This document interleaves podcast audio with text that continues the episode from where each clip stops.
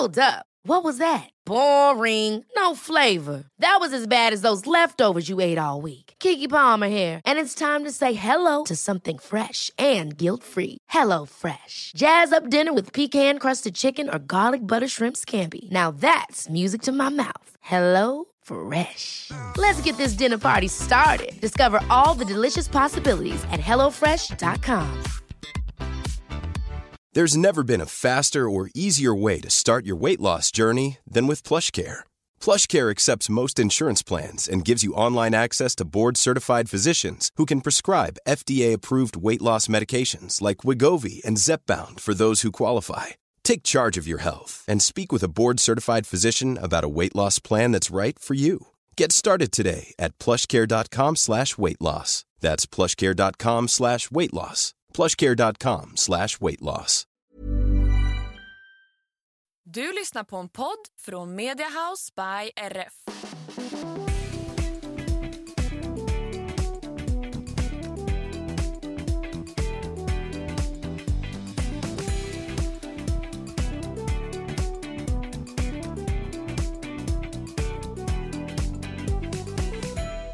Hej allihopa och välkomna till systrarna Älvstrands hästpodd avsnitt 199. Nästa vecka smäller det med. Då är det 200 avsnitt och vi ska fira.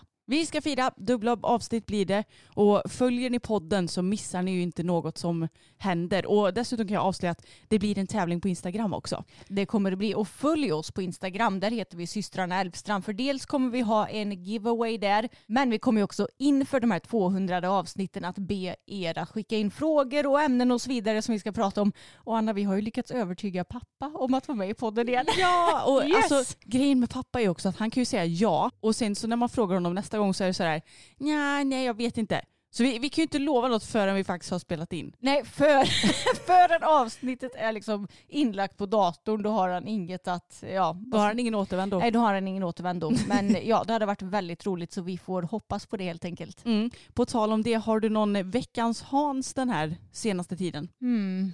Nu tittar jag på dig som om jag funderar, borde jag ha det? Nej, jag bara tänkte om du kom på något spontant. Jag har nämligen en liten grej. Ja, du kan säga din då. Ja, för grejen att pappa han är ju lite så här my way or the highway. Jo. Lite så. Och vi har ju en hästtransport och det är ju givetvis familjens hästtransport. Men han vet ju också om att vi kanske använder den ganska ofta för vi tränar, vi tävlar, ja inte så mycket just nu då givetvis.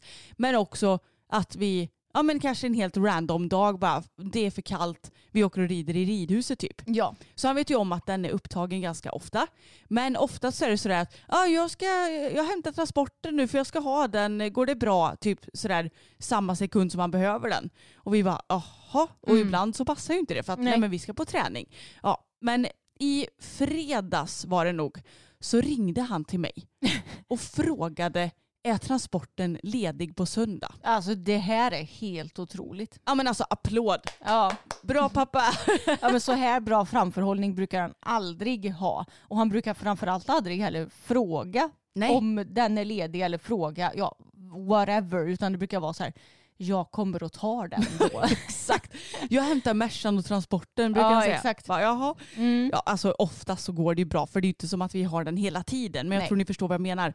Så eh, det får bli den här veckans Hans. Ja, jag tror inte jag har någon direkt för jag har pratat så himla lite med pappa det senaste för han är ju ja, upptagen i vanlig ordning men just nu känns det som att han är ja, men minst lika upptagen som han var i somras när han ja, men fixade med hö och sådär. Ja men det har ju kommit en himla massa snö så att han har ju skottat typ överallt. Han, brukar ju, han är ganska populär på hans och mammas gata. Jo. För han brukar ju fixa det innan typ kommunen gör det. Jag vet inte om kommunen tycker att det är bra eller dåligt att någon annan har gjort det åt dem men det förtäljer inte historien. Exakt. Men Ansi, hur är läget med dig idag? Jo men det är bra, men jag känner att jag har inte riktigt hunnit att värma upp rösten så att har jag lite morgonröst så är det för att ja, men jag vaknade ju typ för en timme sedan Ja. och har inte pratat med någon förutom några ord med dig. Nej men samma här, jag kanske också har lite morgonröst. Men mås det bra annars eller? Ja men det mås bara fint. Mm. Det, alltså jag har känt mig lite nere i veckan. Eller Mm. överlag har jag känt mig så fruktansvärt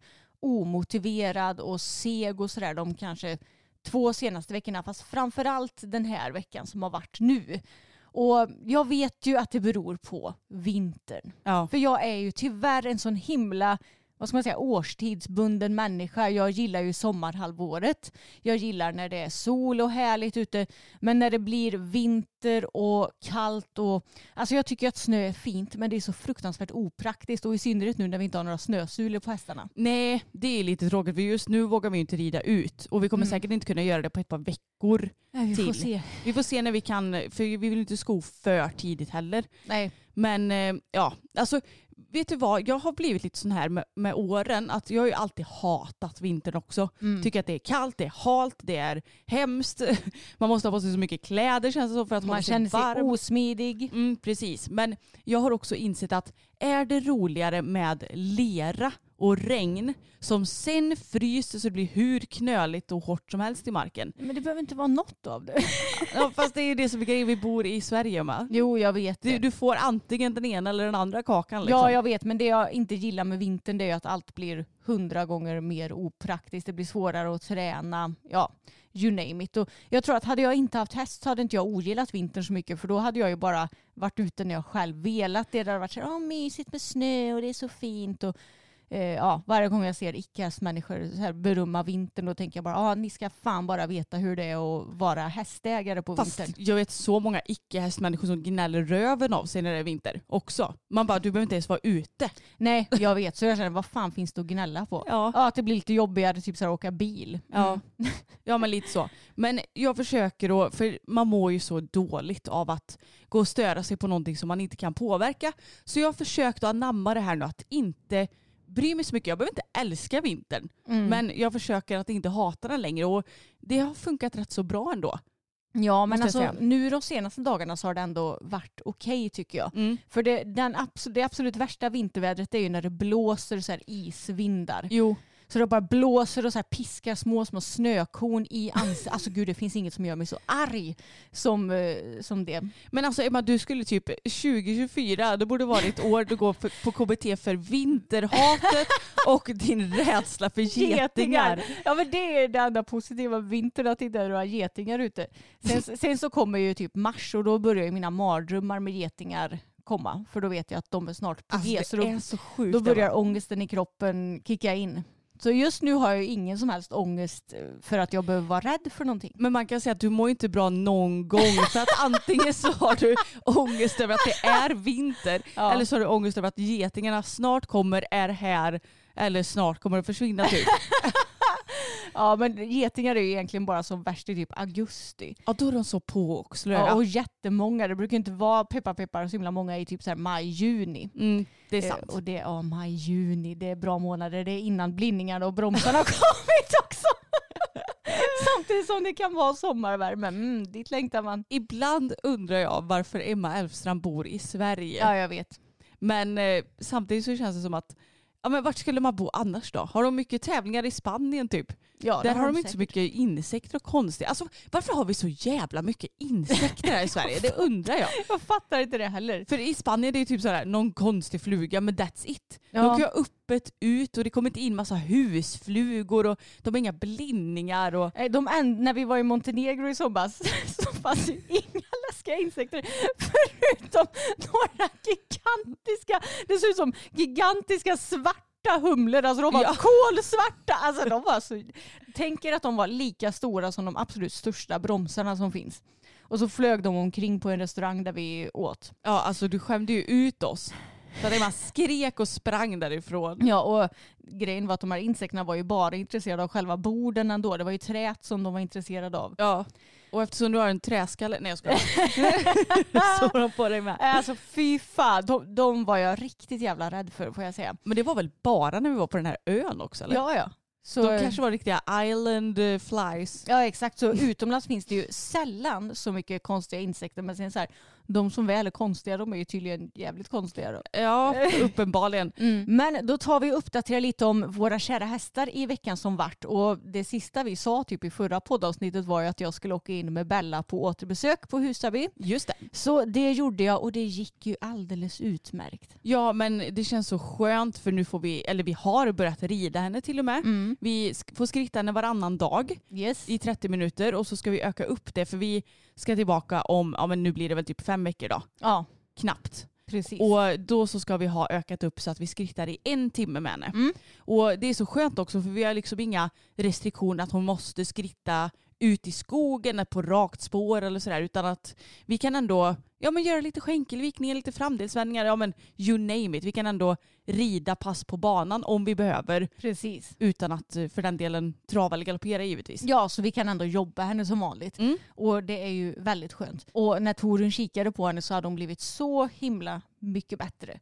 Så det var ju superroligt. Hon sa att hon ser superfin ut. Så ja, det känns som att eh, ja, men det har varit ett vinnande koncept det här som vi har gjort nu med promenader och Ecilight och sen lite kylning. Nej, men hon, jag tror hon har ganska bra läkekött också, vår Labella. Jag tror det med. Hon, hon är bra på att skada sig men hon är också rätt så bra på att läka efter skador. Ja, det är väl tur det. Det hade varit värre om hon hade varit bra på att skada sig och dålig på att läka. Ja, exakt. Men ja, det kommer bli en långsam igångsättning nu så får vi se lite mer. Jag ska, vi ska ju in igen. Det blir i början av januari, antagligen typ precis innan vi ska åka till Thailand. Mm. Så får vi se lite mer då hur de kommande planerna kommer se ut. Men planen är att hon så småningom ska igång helt och hållet igen. Mm. Sen så är jag ju också lite så här i valet och kvalet. Ska man försöka betäcka henne i år eller hur, hur ska vi göra? För nu är det ju så här, ja men tänk om jag sätter igång henne och sen så går det bra och sen så visar det sig att nej men det, det höll inte. Typ, eller att hon Mm. får något återfall. Och det är väl kanske visserligen därför som vi försöker sätta igång henne rätt så tidigt nu för att ja men, se ifall det skulle ske. Men tänk om hon kommer igång från den här skadan, blir superfin och det går jättebra och sen så blir det precis som det här året. Att hon klantar sig igen på något vis och skadar sig i typ augusti-september. Då är ju betäckningssäsongen över. Ja, precis. Men hon får få ett decemberföl bara. jag skojar. Nej, men jag förstår hur du tänker. Och det är väl också det som är så skönt att vi Ja, men vi har ju ändå nära kontakt med Moa som är Mm. vår veterinärkompis. Det är ju inga konstigheter att diskutera sånt här heller med typ Torun. Nej. Och vi kommer ju åka på regelbundna återbesök. Så då kan man ju fundera lite och tänka lite. Nu behöver du inte bestämma något. Nej. Men det är klart att när är det man brukar betäcka typ maj, ja, april, maj, juli. ja, april, maj, juni. Juli I, värst, I värsta fall juli. Ja. Ja. Fokus är född 3 juni. Så han är nog betäckt i början av juli kanske. Ja, och jag tror också att jag har sett någon, något föl, ja, jag kollar ju på hästannonser en hel del nu. Mm. Då tror jag att det var någon som var född i juli, typ Ja. så här 3 juli. Mm, kan det säkert vara. Så att augusti går ju i värsta fall Ja. kanske också. Mm. Så då vet du ändå lite när du behöver bestämma dig och sen så kanske man inte vill bara prova på så här sista, eh, vad heter det, eh, brunsten Nej. heller. Utan man vill ju ha några perioder på sig i så fall. Ja men exakt. Nej, så det, jag är lite i valet och kvalet hur tusan jag ska göra med det här. Mm. Pappa hade ju blivit överlycklig om det hade blivit ett föl. Oh, det, ja. det kanske vi ska fråga honom nästa vecka i podden. ja, det gör vi. Tycker du att vi ska ta föl på... Ja, jag vet ju egentligen redan svaret på Ja. frågan. Men... Men eh, då får vi se vad han verkligen känner när han blir lite överrumplad över den där Ja frågan. men exakt. Nej så vi får se lite men hon ska ju sättas igång så bra hon bara kan nu i alla fall. Mm. Och så får jag se vad planen blir med henne i vår. Men jag är bara glad över att hon mår så bra. Hon och Tage trivs ju jättebra tillsammans i hagen. De busar så mycket nu. Tage älskar ju snön. Ja. Och Bella verkar också ganska Ja, fan men- av snön. Ja men tydligen fast Tage är ju den absolut största snöälskaren. Mm, så det är så gulligt för de håller på och busar. Och det var någon som kommenterade, för jag la upp en reel på min Instagram. Och då var det någon som kommenterade att Bella hon är ju som en vallack och så här munhugger. när de står och leker med läpparna typ. ja exakt. Och jag har aldrig reflekterat över det. Nej. Men nu när hon skrev det, jag bara, men gud det är ju typ, det var ju så Tag och Boppen, höll Boppen på jämt. hela tiden. Hela tiden Mm. höll de på och munhögg mot varandra. Och jag har aldrig sett tjejerna göra så. Nej det är sant. Men Så det är tydligen en eh, vallackig grej. det finns en anledning till att Bella kallas för Butch-Bella. Japp. Hon, hon har lite vallackdrag. Ja det har hon. Hon ser ut som en vallack och hon munhuggs som en vallack. Ja det gör hon. Men jag fick ju äran att rida de två första passen på Bella. Mm, för att jag har haft jobb att göra då så då Ja. har Anna fått göra det. Ja och Emma varit lite avundsjuk. Ja. Men jag kan säga att första passet då åkte vi till ridhuset för då snö och blåste det va? ja det var väl precis när snön hade Ja. kommit ordentligt tror jag. Precis, så då åkte vi till ridhuset. Och alltså hon var så söt för att Bella hon brukar ju inte titta på sådär jättemycket. Det kan vara någon grej hon kan haka upp sig på Mm. som ger mycket tryck och som hon blir lite dramatisk över. Ja. Men i ridhuset hemma, eller ja, på ridklubben så brukar hon ju ändå inte bry sig om något. Nej. Men hon var lite fjantig den här dagen.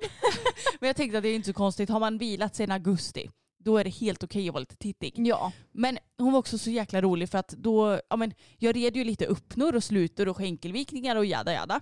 När jag skulle göra en sluta en gång så, så här, gjorde jag en lätt liten hjälp om att så kan du gå i sluta, alltså att hon Mm. tar in rumpan från spåret.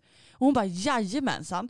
Men det var bara det att hon överdrev något så in i bänken så hon gick nästan, ja, jag vet inte hur, hur många grader man kan vinkla den Du här sig. kallade det för rövgång. Ja, men det, jag, jag kände bara snart går hon med röven före huvudet. Alltså det var liksom så extrem överdrift så det Ja. fanns inte. Och sen så det dröjde inte länge för jag bara oj det här får vi ju rätta till liksom. Så försökte jag ändå få in eller få ut rumpan lite igen. Mm. Men då blev jag så bara men gud vad jobbigt det här var. Anna vad du kräver av mig. Så då stannade hon upp så här och jag bara men det är ju du som valde att gå så här. Alltså hennes personlighet den är så himla rolig. Det är något alldeles extra. Hon, Ja. hon är så himla ambitiös och samtidigt så är hon så himla bestämd Ja. i ja, med sina åsikter och vad hon tycker. Och, eh, och hon är väldigt egen och det är det som gör henne till en så jävla rolig individ. Ja och jag kände bara men du måste ju inte gå så här. Jag hade tänkt en sluta. Inte Mm. en rövgång. Ja, det, hon är för rolig. Det är Bella du ska rida för du tycker ju att du själv är så himla dålig på skolor. Ja. Det är Bella du ska rida så här så du får in känslan. Hon bara, hur mycket vill du ha? Jag kan Ja. bjuda på hur mycket som helst. Exakt. så Ja. gulligt. Ja, och det gick jättebra när jag red henne också. Men jag måste ju bara berätta om ett litet problem jag har just nu. För nu under hösten så har ju jag i princip bara ridit Pebban. För jag har inte haft Bella att rida och du har haft fokus. Du har tävlat fokus, jag har tävlat Pebban. Så då Mm. har det blivit att vi ja, men mest har ridit de hästarna. Och Pebban hon må vara hög men hon är ju alltså ganska så kort i kroppen ändå. Ja, hon är säga. rätt kompakt. Hon, hon är kompakt och hon har världens kortaste hals. Men problemet nu när jag nästan exklusivt har ridit henne de senaste månaderna det är att nu tycker jag att hennes hals är normallång. Och Bella är en giraff. Ja och fokus också för jag red ju fokus häromdagen. Ja. Så jag bara, men herregud vilken lång hals, hur ska jag få koll på allting? Och, Du bara, varför är munnen så långt fram? ja men alltså de... Emma, vet du vad du skulle gjort då? Nej. Du skulle ridit i rollkur för då hade ju munnen Just varit det. lika nära som Pebban Det, ungefär. det var ju smart. Ja. Nej men så, alltså jag bara, men herregud hur, lång, hur gör man när man rider en häst som har så här lång hals? Och Fokus och Bella, det är inte så att de har överdrivet långa halsar, de är ju rätt så normallånga skulle jag säga. Ja men när du sa det, för du sa ju det när du satt upp på Fokus, du bara Mm. men gud jag är så van vid Pebbas hals, den här är jättelång. Jag tror att Fokus kanske har något för lång hals för sin exteriör. Ja, Om man tittar riktigt noga för att ibland när han ställer sig så här så är man så här oj men halsen tar ju aldrig slut nej känns det som. Men samtidigt så är det ju aldrig några bekymmer att rida ihop honom. Mm. Det som är svårt är ju att tack vare att han har så lång hals att han lätt kan hamna bakom när han blir Precis. spänd. Mm, men så det är Bell- problemet. Bella har väl ändå normal lång hals får man väl säga. Ja men det tror jag nog och hon är ju heller inte så lätt för att hamna bakom. Nej, Så det är exakt. liksom inget problem på henne. Nej, så, men jag tyckte att båda de två hade giraffhalsar. Ja. Och sen när jag hoppar upp på Bella, åh herregud vad bred hon är! Oh. Alltså jag har glömt bort det här. Och det är ju också så en sak att när jag red henne hela tiden, då var ju hennes rygg och liksom omfång det som jag var normal, eller normal i, det som jag var van vid. Ja. Så då tyckte jag att ja men Bella hon är en normalbred häst. Och sen när vi typ provred Pebban och hade Pebban i början så var jag så här, men gud vad smal hon är, det här känns jättekonstigt. Det finns inget att sitta på. Nej, och nu när jag har ridit Pebban bara, då tycker jag att Pebban är normal. Så nu när jag kommer upp på världens bredaste häst typ så är det ju så här, aj mina höfter, alltså jag hade så ont i mina höfter efter att jag hade ridit henne. Ja men jag vet att vi har pratat om det här i podden tidigare men jag tycker att skritt är ju det som också Ja. är jobbigast att rida länge i. För att Oh ja. man, får liksom, man blir typ stel i knän och höfter och överallt för att man inte rör på sig så mycket. Ja men jag tror typ att jag kommer få rida lite mer utan stigbyglar Ja. om jag ska skritta länge på Bella för det kändes bättre men fan alltså höfterna det, det krampade lite i Mm. dem får jag säga. Så ja det är ju någonting som jag kommer få vänja mig vid också. Så ja man kan ju konstatera att bredhet på häst och längdhet på hals det är ju någonting som jag inte har varit med om det senaste. Nej och det är vanesak helt klart. Ja men det är ju det och på tal om vanesak så vet jag att ja, men på den tiden när jag mestadels red boppen Mm. som var 1,82 hög. Då var det så här, ja men det här är en normal hög häst och sen alla hästar under 1,80 det var liksom så här små hästar. Pluttisar. Gud vad liten fokus känns att rida till exempel Mm. för han är ju bara 1,73. Så det är helt galet hur mycket man vänjer sig vid ja, men, olika saker. Och det är därför också som det måste vara så bra att rida Ja, men säg att man rider fem olika hästar varje dag Mm. som är byggda på olika vis. Det måste ju vara det bästa för ens utveckling tänker jag. Och som är olika i ridningen också. Ja och så man inte vänjer sig vid en specifik hästsort. Exakt. Men det blir ju också så, vi, vi dras ju kanske till lite större hästar. Och då blir det ju lätt att vi väljer det såklart. Ja, precis. Men sen har de ju olika halsar allihopa. Det har de. Men Anna, du och jag vi bytte ju lite häst i veckan. Mm. Och Pebban fick så himla mycket beröm av dig. Ja och du fick också mycket beröm av mig. Ja, det blev jag glad över. Ja, men så kul för jag har ju berättat lite att jag tycker inte att jag och Pebban har känt som en perfect match. Och sist som jag red henne lite mer intensivt det var ju ändå typ i våras. När vi höll på att sätta igång henne och jag tävlade ju också Mm. ett par starter där i dressyr. Och alltså det var så här, det, det funkar men jag känner att jag, jag, får inte, jag får henne inte att komma till sin rätt. Mm. Men samtidigt så har väl på ett sätt inte du fått det heller på ett ridpass men det har ju Nej. kommit över tid. Precis. Men jag vet inte, jag, jag har känt att så här, nej, men det känns inte helt hundra procent liksom sammansvetsade och allt vad det är. Men det här ridpasset kändes så himla bra. Mm. Och det var så himla kul att rida och jag kände att det var inte alls det samma tunga starka känsla jag hade i handen utan den var väldigt lätt. Det var så här stundtals som hon blev lite hängig och då fick jag själv bara okej men då får vi inte fastna här i handen. Det är så lätt att göra det Ja. när de blir lite tunga och starka. Men hon var så jävla fin bara rent Ja, sagt. men hon såg superfin ut och hon är så jäkla fin och rolig nu. Mm. Hon blir ju bara roligare och roligare att rida för varje vecka tycker jag. Mm. Och vi har ju fått så otroligt bra hjälp av Pia under hösten. Det är ju tack vare henne som vi har utvecklat så mycket. Både du och jag som ryttare och även våra hästar. Och Pebban och Fokus de är ju verkligen så här varandras motsatser när det kommer till mycket i ridningen. Natt och dag. Nej, eller ja menar jag. Eh, och Pebban hon är ju liksom så här, hon är ju, du behöver ju inte ha världens närmsta relation med henne för att kunna rida henne bra. Som du kanske behöver lite mer med fokus. Du Mm. har ju liksom vunnit eh, hans tillit med tiden. Medan Pebban, alltså vilken duktig ryttare som helst kan ju sitta upp på henne och få henne att gå kanonbra liksom. Ja. Eh, med henne är det mer så här, ju mer utbildad hon blir desto lättare är det ju för vem som helst att sitta upp på henne. Medan med fokus tror jag det är lite att eh, du behöver ja, men lära känna honom under en längre tid för att verkligen förstå honom. För även om han, jag ser att han blir mycket bättre med dig så har ju jag fortfarande svårt för att rida honom. ja men alltså jag tror inte folk förstår hur svår den hästen är. Nej, alltså han är så svår. Ja och jag, jag tror det är som du säger att han och jag vi har lite vunnit förtroendet i varandra. Ja. Även om det såklart kan vackla lite, det kan det väl i alla förhållanden jag säga. Eh, Men eh, det känns som att han vet exakt hur jag är. Jag, och det är det som är så det är lite typ frustrerande på samma gång för att jag vet ju så här, ja men jag gör si och si och så för att få honom att gå fram. Och så rider, du brukar ju ofta ändå få fram honom ganska bra. ja. Men så, säger- så rider typ pappa honom. Mm. Och då ser jag hur jävla seg han är Ja. och att pappa inte får dem framåt trots att jag instruerar. Och då blir jag så här, bara, men fokus för tusan kan du inte bara gå framåt? typ så här. Men det, är ju sån han är och jag tror att det dels handlar lite om att han är lite bekväm också. Mm. Men också för att han känner att han vill verkligen ha på sitt sätt. ja, exakt. Han vill, ha det, han vill ha en ordentlig kontakt i handen för annars så vågar inte han springa på framåt. Nej. Typ.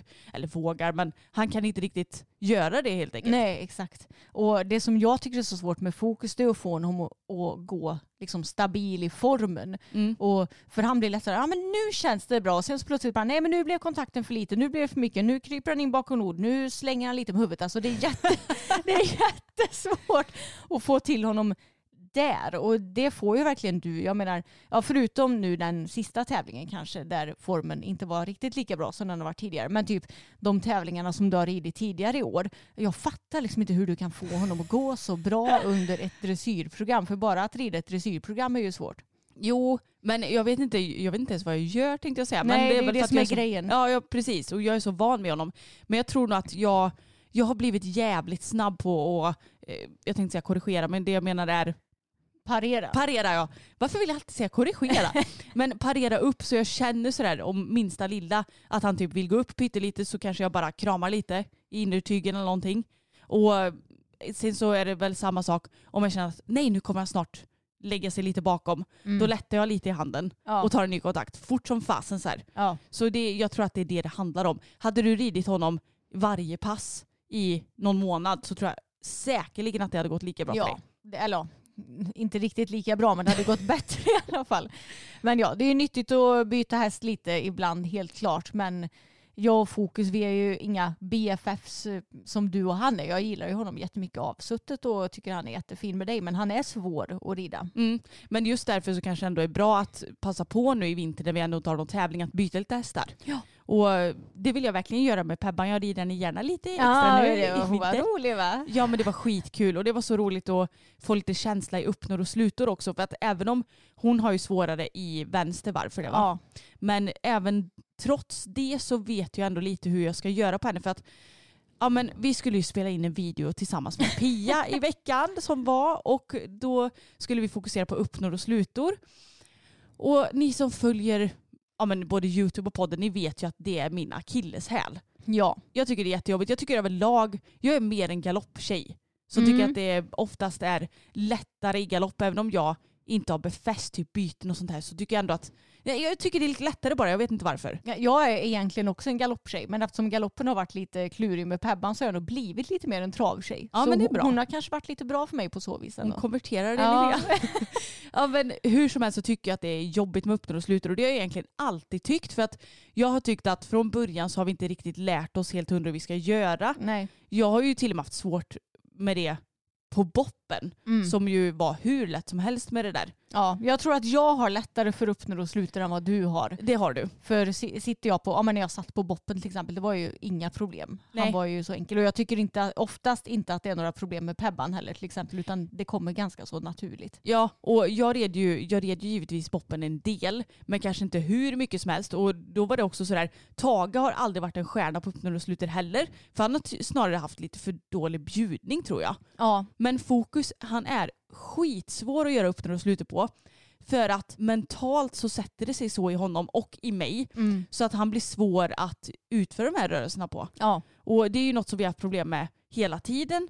Och jag hoppas verkligen att det ska bli bättre. Men jag kände bara så här när vi red och skulle påbörja och göra den här filmen. Jag bara, men herregud, hur ska de kunna titta på det här och typ lära sig någonting av det? För det känns bara skitdåligt. Jag får inte till det. Han är lite seg. Ja, men det var bara så här grej på grej. Så jag bröt ju typ ihop. ja. Och bara, det går inte, vi kan inte filma det här idag.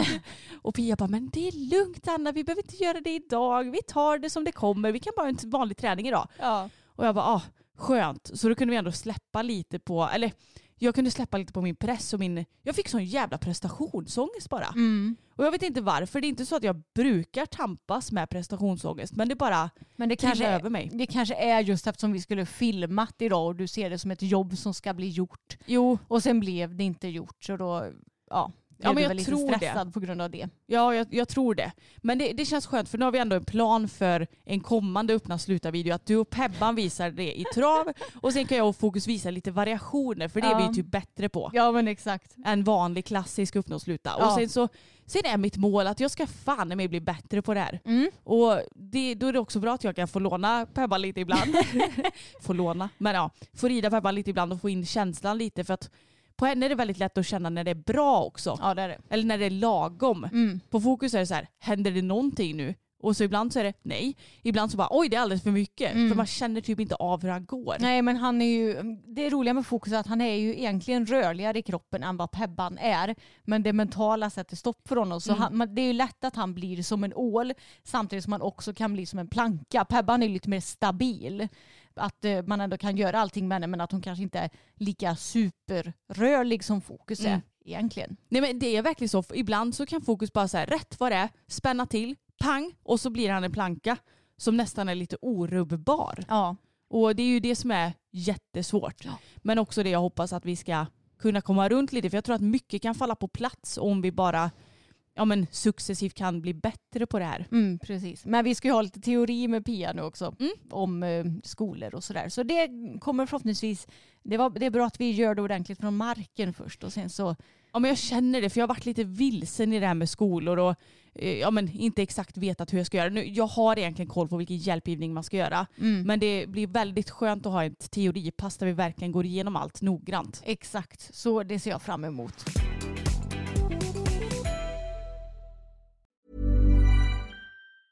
Ever catch yourself eating the same flavorless dinner three days in a row? Dreaming of something better? Well, HelloFresh is your guilt-free dream come true, baby. It's me, Kiki Palmer. Let's wake up those taste buds with hot, juicy pecan-crusted chicken or garlic butter shrimp scampi. Mm. Hello Fresh.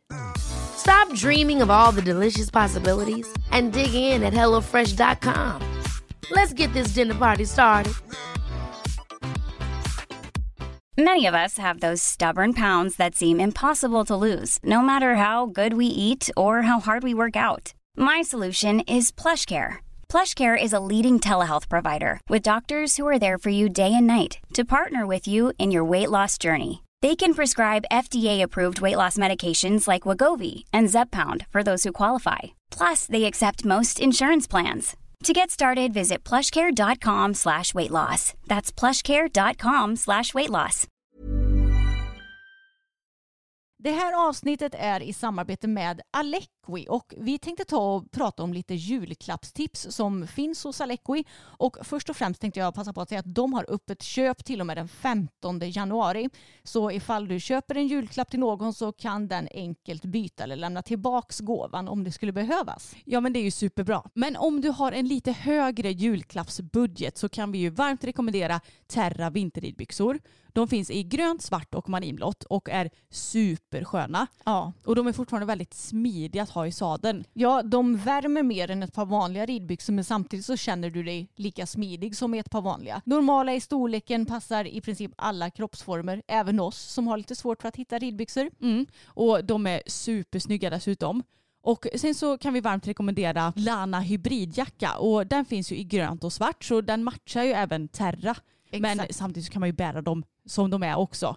Och vår favoritfärg det är ju såklart grön. Ja, den är så fin. Ja. Och jag tycker att det är en väldigt smart jacka också för det finns en dold mobilficka i sidosummen på jackan. Så då kan mobil eller nycklar eller vad man nu har ligga tryggt och säkert under ridturen. Exakt, och den har ju lite så mjukt borstad flis på insidan så Mm. den gör att också håller det lite varm och härlig samtidigt som den är väldigt sportig och snygg i designen. Så Terra vinterridbyxor och Lärna hybridjacka det kan du få till ett riktigt snyggt så här vinterset på. Och sen så om du har en lite lägre budget men ändå vill köpa någonting så finns det Alma fodrade ridhandskar och de finns i svart, vitt och brunt. Och de har också touch på fingret vilket ju är toppen ifall du behöver kika någonting i mobilen medan du rider. Ja men det är supersmart och jag tycker det är bra att det finns i vitt också för att jag tycker att det saknas ganska många vinterridhandskar Ja. som finns just vitt. För jag du, menar, det är sant. ja och jag menar jag som rider dressyr, jag vill oftast ha vita ridhandskar men jag, jag får ju plågas av mina händer på vintern för att jag har inte haft några vinterridhandskar som har foder i sig. Exakt. Och sen finns också Aria Beanie som är en superfin svart mössa. Eller så kan du spana in Alecois utförsäljningssida på hemsidan där de har samlat sina utgående produkter som säljs till ett bättre pris. Och det är ju superbra. De har till exempel Noma ridbyxor i vinrött som ju är några av våra favoriter. Vi älskar ju vinrött. Ja de är supersköna och jättebra. Ja, de är ju ungefär som Terra vinterridbyxor fast ja, Ja men tunnare. Ja, precis. Fast sommarversionen kan man ju säga. De är underbara så det kan ni ju spana in också. Finns också ett gäng superfina pannband till hästen också på utförsäljningssidan. Och om du vill köpa någon utrustning till hästen så kan vi ju verkligen varmt rekommendera Arrow schabraken. Ja, De är så himla bra. De är stadiga, de är snygga, sportiga, simpla i designen, passar när som helst. ja, de är supersnygga och då kan du också matcha till Aero huva. Mm. Och jag trodde ju aldrig att Pebban skulle kunna ha en huva för hon har ju så himla långa öron. Men vi fick hem Alecois Aero huva och alltså den var så fin på henne. Den var jättefin på henne. Vi har ju bilder på vår Instagram i Mm. några poster tillbaka. Och hon är så fin, passar jättefint tillsammans med Aero-schabraket. Min favoritfärg där, återigen grön. Mm. Det är en lite annan grön färg än på kläderna utan den här gröna är lite mer klar och kall i tonen skulle jag säga. Mm. Men är så otroligt fin och passar ju perfekt på fuxar också. Ja, skitsnyggt. Och det är verkligen så himla bra schabrak. Och de passar ju oavsett om du behöver ha något vardagsschabrak och tvätta ofta för att de håller formen väldigt bra. Men också superfina att ha på tävling givetvis. Exakt. Och de finns i svart, grönt och marinblått. Ja, och i hopp och dressyrmodell. Mm. Ja, men det var några av våra julklappstips som ni hittar hos Alequi och vi har såklart länkat till Alequis hemsida i beskrivningen. Tusen tack till Alequi för att ni är med oss i det här avsnittet. Men ska vi ta och uppdatera lite mer om Härligstrandfallet då Anna, för det kommer ju nya grejer hela tiden. Det kan vi göra. Och jag hittade en krönika på Ipson som jag tyckte var väldigt bra. Den heter Vad hade vi väntat oss av Nina Lodin som har arbetat som beridare utomlands under många år. Och jag tänker att jag ska läsa upp lite delar ur den krönikan. Det verkar som att det spräckts ytterligare en bubbla där vanliga dödliga helt plötsligt inser att hästar inte blir väl behandlade överallt och att det handlar om pengar, pengar och mer pengar. Ännu en gång är vi chockade och bestörta trots att det här inte är första nyheten av sitt slag. Man kanske tar det ännu hårdare den här gången för att det är ett modernt stall. En framgångssaga som alla någon gång såg på och tänkte wow, jag vill ha en häst från Härligstrand. Skäms vi lite mer den här gången för att inte ha synat bluffen och blivit argare. Istället för när till exempel Ludger Beerbaum blev anklagad för barriering. Vi vanliga dödliga köper ju inte hästar hos Ludger. Eller på den gamla goda tiden när Tjockemöller var i farten med alla möjliga knep för att hästarna skulle hoppa högre. Det var ju rykten, inte filmer i sociala medier. Och vad kan man vänta sig av gamla tyska hoppgubbar? Är det för att Jovian var nästan lika magisk som Totilas när han gick unghäst-VM i ärmel och som femåring under en karismatisk dansk med tidigare medaljer i bagaget. Dessutom lagom i tid som Katrin Laudrup Dufour blivit en av världens bästa ryttare och Danmark verkligen hamnat på kartan igen inom dressyren. Våra skandinaviska grannar, de är väl som oss. Det finns väl inget ont. Alla har rätt att vara upprörda över det här. Det som visas i den här dokumentären är fruktansvärt, det är djurplågeri, det är inget någon någonsin ska kunna stå bakom. Det är ingenting som någon häst någonsin förtjänar. Jag är också upprörd. Men är det verkligen en så stor chock? Hur tror gemene man att det ser ut i dessa stall? Det här händer inte bara hos Härligstrand. Även om jag ska förtydliga att vissa av dessa bilder på till exempel spömärken är värre än även vad jag någonsin har sett. Men sanningen är att det här händer, mer eller mindre på så många platser i världen. Det är en vardag för många fler hästar än de som står här i Sverige lyckliga på sina lösdrifter. Varför då? Pengar är såklart drivfaktorn, men hur tjänar man pengar på att behandla en häst så här? Hur klarar ryttarna i fråga av att göra det ens? Låt oss lägga upp ett scenario. Du arbetar som beridare. Det är din dröm. Du jobbar i ett välkänt stall där du har en verklig chans att få komma ut och tävla, göra ett namn för dig själv. Du älskar hästar och det du gör. Du får en bra start, ett lagom antal hästar tills att du bevisat dig själv och kommit in i rutinerna. Sen byggs det på, pressen ökar.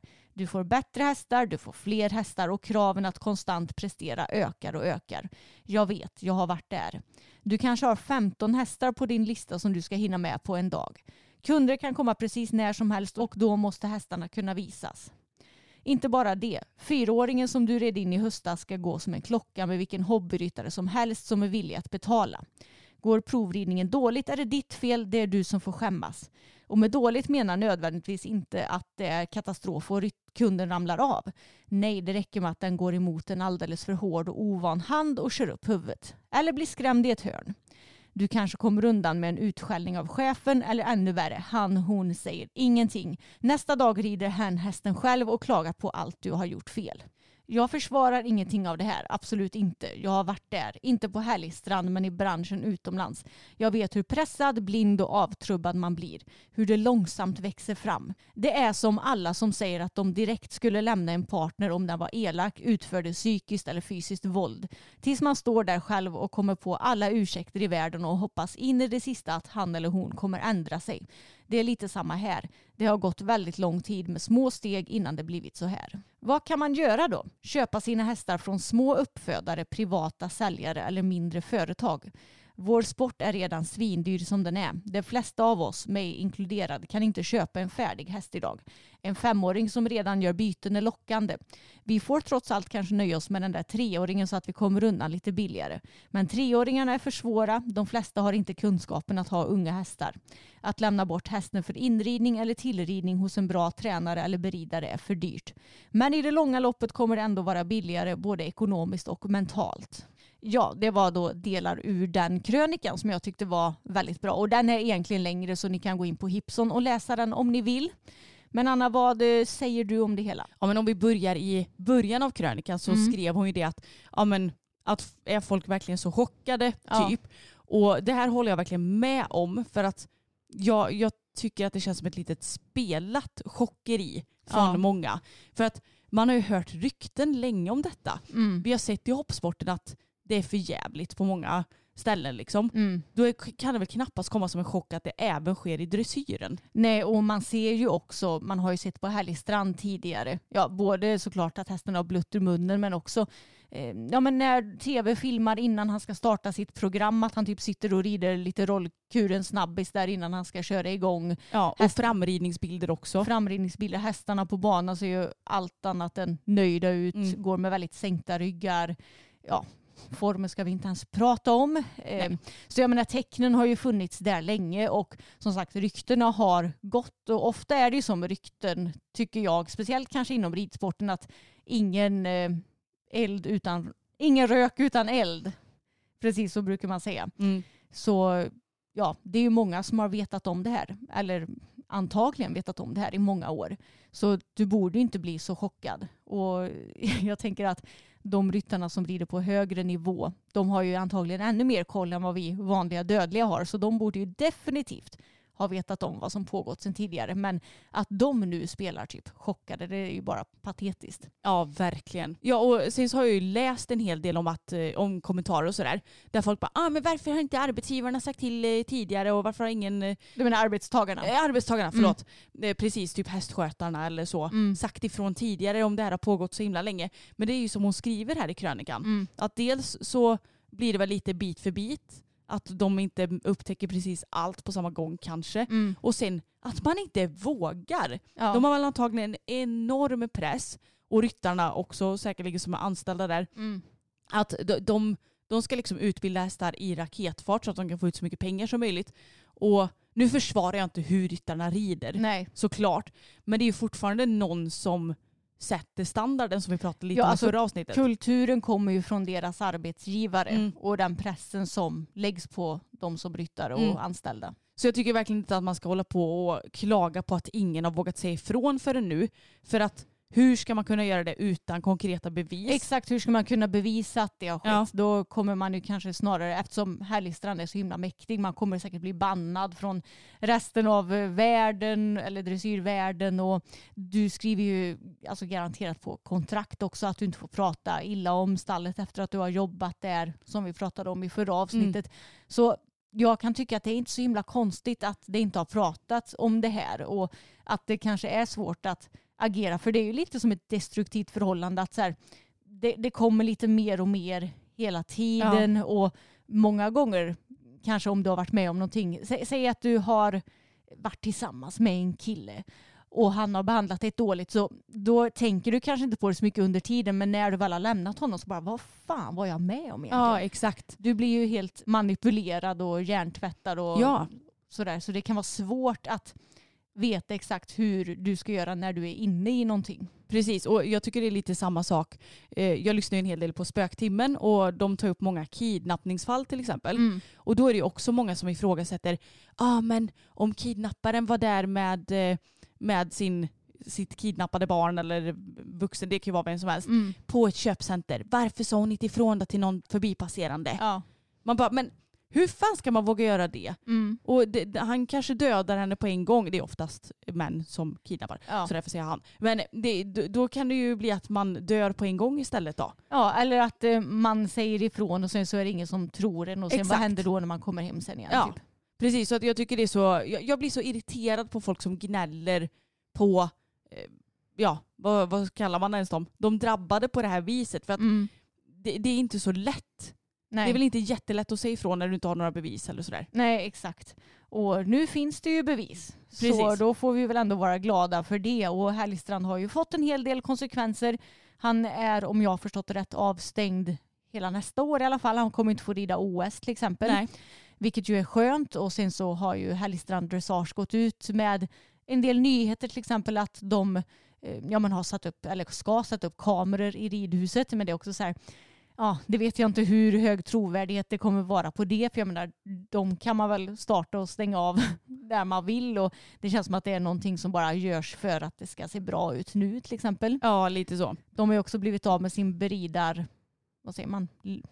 Ja, licens eller... Ja, de har ju varit så här utbildat beridare i ja, Danmark. precis. Och nu får de inte göra det. Och så är de ju jättebesvikna över det här. Bara, ja men vad konstigt att ni inte får göra det. Ja, eller hur. Mm. Jo, men fortsätt med det. Det gör ju ett jättebra jobb. Ja, precis. Ja, och sen så, jag såg faktiskt att det var, jag tror det var dressyrbutiken om jag inte minns fel. Mm.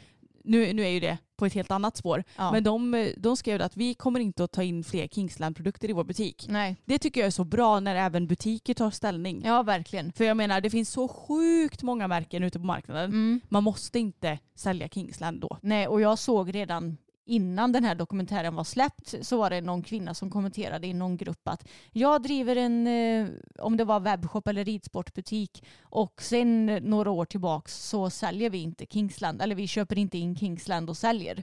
Så jag menar, det har ju vetats om sen tidigare. Men jag, jag tycker det är bra när inte bara eh, ja, men vi vanliga hobbyryttare tar ställning utan också, jag menar det kan ju såklart påverka ens företag om nu Kingsland säljer mycket i butiken och man ändå Mm, säger nej men nu avstår vi det. exakt. Även om pengar ska ju inte styra allt men du förstår ju. Ja men exakt, det är ett fint moraliskt ställningstagande tycker jag. verkligen. Och tidningen Ridsport har släppt en artikel som heter Kritik mot dressyrdomare efter Härligstrand. Vi kan bara döma det vi ser. Och det här är en plusartikel så jag tänker att jag ska ta och läsa upp lite grann i den. Och som bakgrund så är det ju att dressyrdomare det är en grupp som har blivit kritiserade efter avslöjandena om Härligstrand. Mm. För att ja, men många, till exempel vi själva, förstår ju inte varför han får så höga poäng på tävlingsbanan till exempel. Och den danska internationella dressyrdomaren Susanne Borup är en av domarna på Sweden International Horse Show. Jag har blivit kontaktad av flera journalister som vill ställa oss som dressyrdomare till svars för att vi dömer på fel sätt. Vi gör vårt absolut bästa för att döma utifrån rätt grund men det är möjligt att man i framtiden skulle förändra bedömningen så att en domare bara tittar på hästens rörelser och beteende medan andra dömer programmet. Ja, och sen så handlar tydligen den här artikeln om eh, ja, unghästklasser. Men ja, det som är grejen i alla fall det är att hon, det känns ju som om hon försvarar dressyrdomarna med att ja, De, De- dömer det de ser. de gör sitt bästa för att döma utifrån rätt grund. Eh, och då är det ju många på Facebook som har kommenterat det här. Mm. Och i kommentarerna så står det bland annat att nej, de dömer inte bara vad de ser, de dömer också vem de ser och vilken häst de ser. Det kom ju en tysk studie som visar att dressyrdomare varken är eller kan vara 100% objektiva, som vi ju pratade om i podden tidigare. Mm. Och det är så sant. Och sen är det också många som skriver att eh, ja men du ser ju på till exempel Härligstrands ridning att det inte ser okej ut. Och att de ändå dömer det här positivt eller ger dem höga poäng. En kommentar här tycker jag sammanfattar det bra. Fast den ridning vi ser för dagen är ju knappt bra heller och ändå bedöms den högt. De flesta hästar går bakom lod, ryggar som hänger, korset är högre än manken, piaffen sker med mer vikt på frambenen, framben som sprattlar högt och bakben som knappt är engagerade. När det väl kommer in en häst som ryttaren inte bär upp i tygen och hästen bär sin manke, hals och nacke korrekt buret och med en rygg som inte hänger så får de knappt några poäng. Hur har det kunnat bli så här? Om jag som amatör ser det här så måste väl även domaren göra det. Och eh, det här hon skrev i början det är en ganska så bra sammanfattning över hur Härligstrands hästar går tycker jag. Verkligen. Så jag menar, det syns ju. Men du väljer ju själv hur du vill döma det hela. Mm. Och det som vi har pratat om många gånger att har du ett namn i ridsporten då spelar det fan knappt någon roll om han hade kommit in med en åsna typ, så hade han fått bra poäng.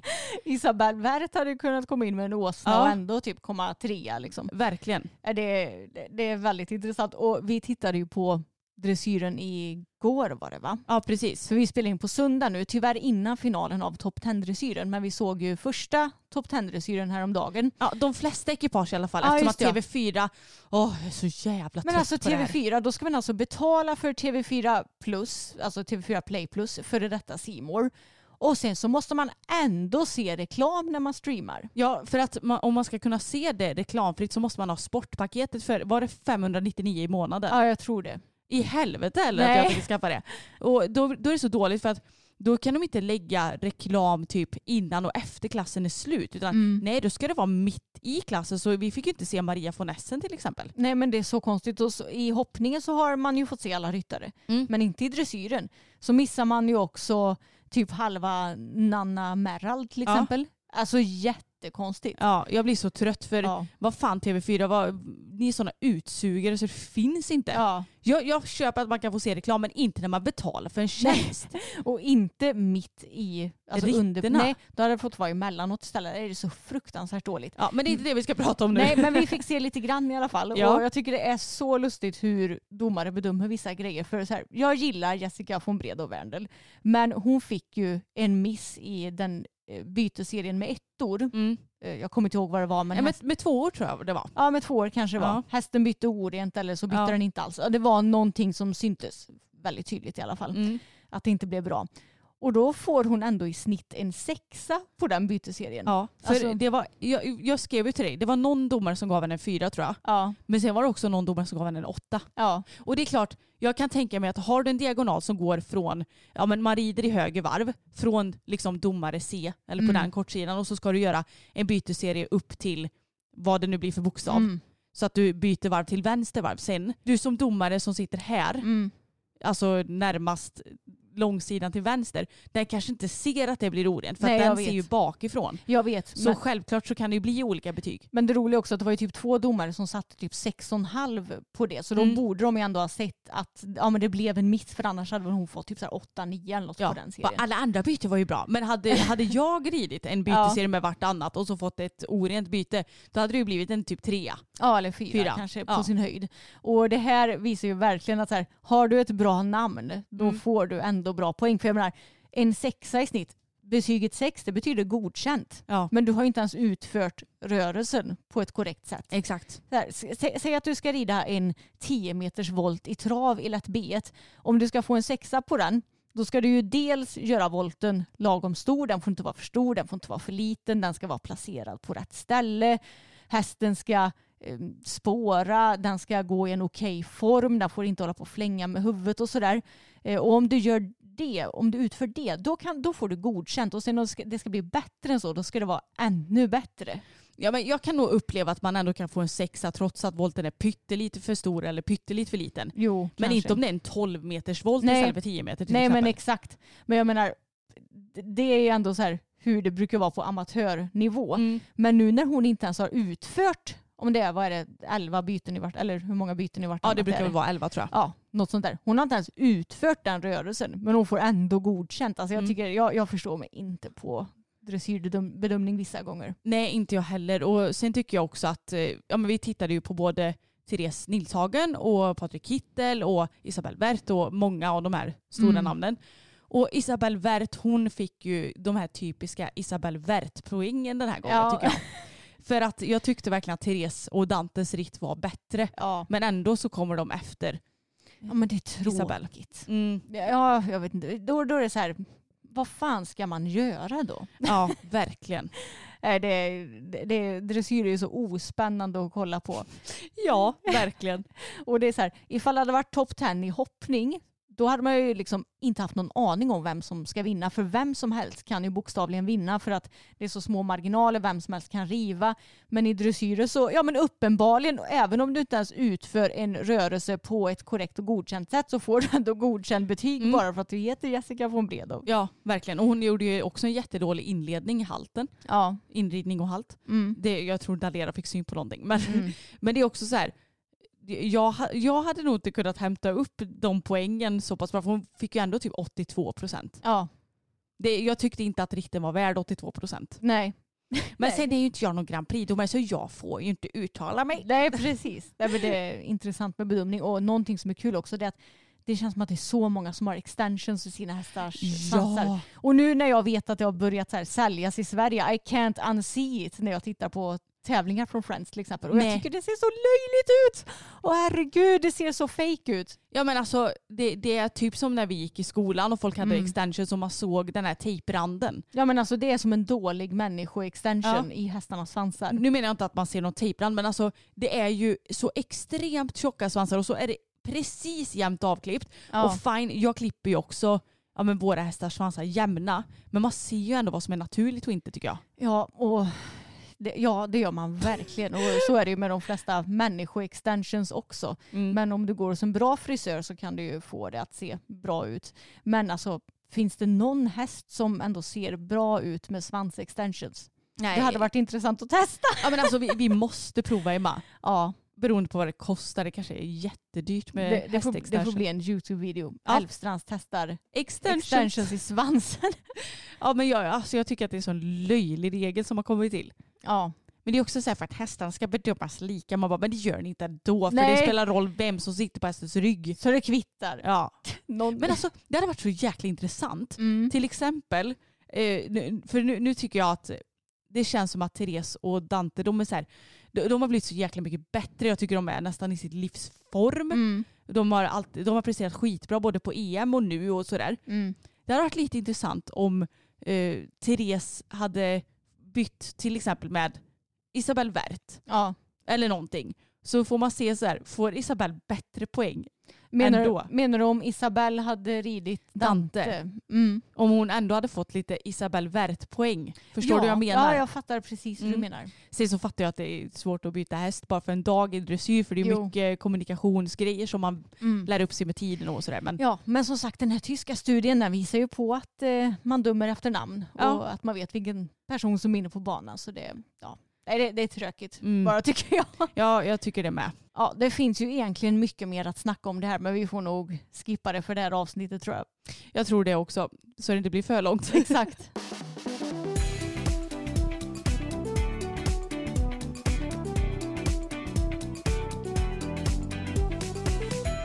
Jag tänker att vi tar och avslutar det här avsnittet med en liten fråga som vi har fått in. Hur ser ni på det här med att hästar går med benskydd i hagen?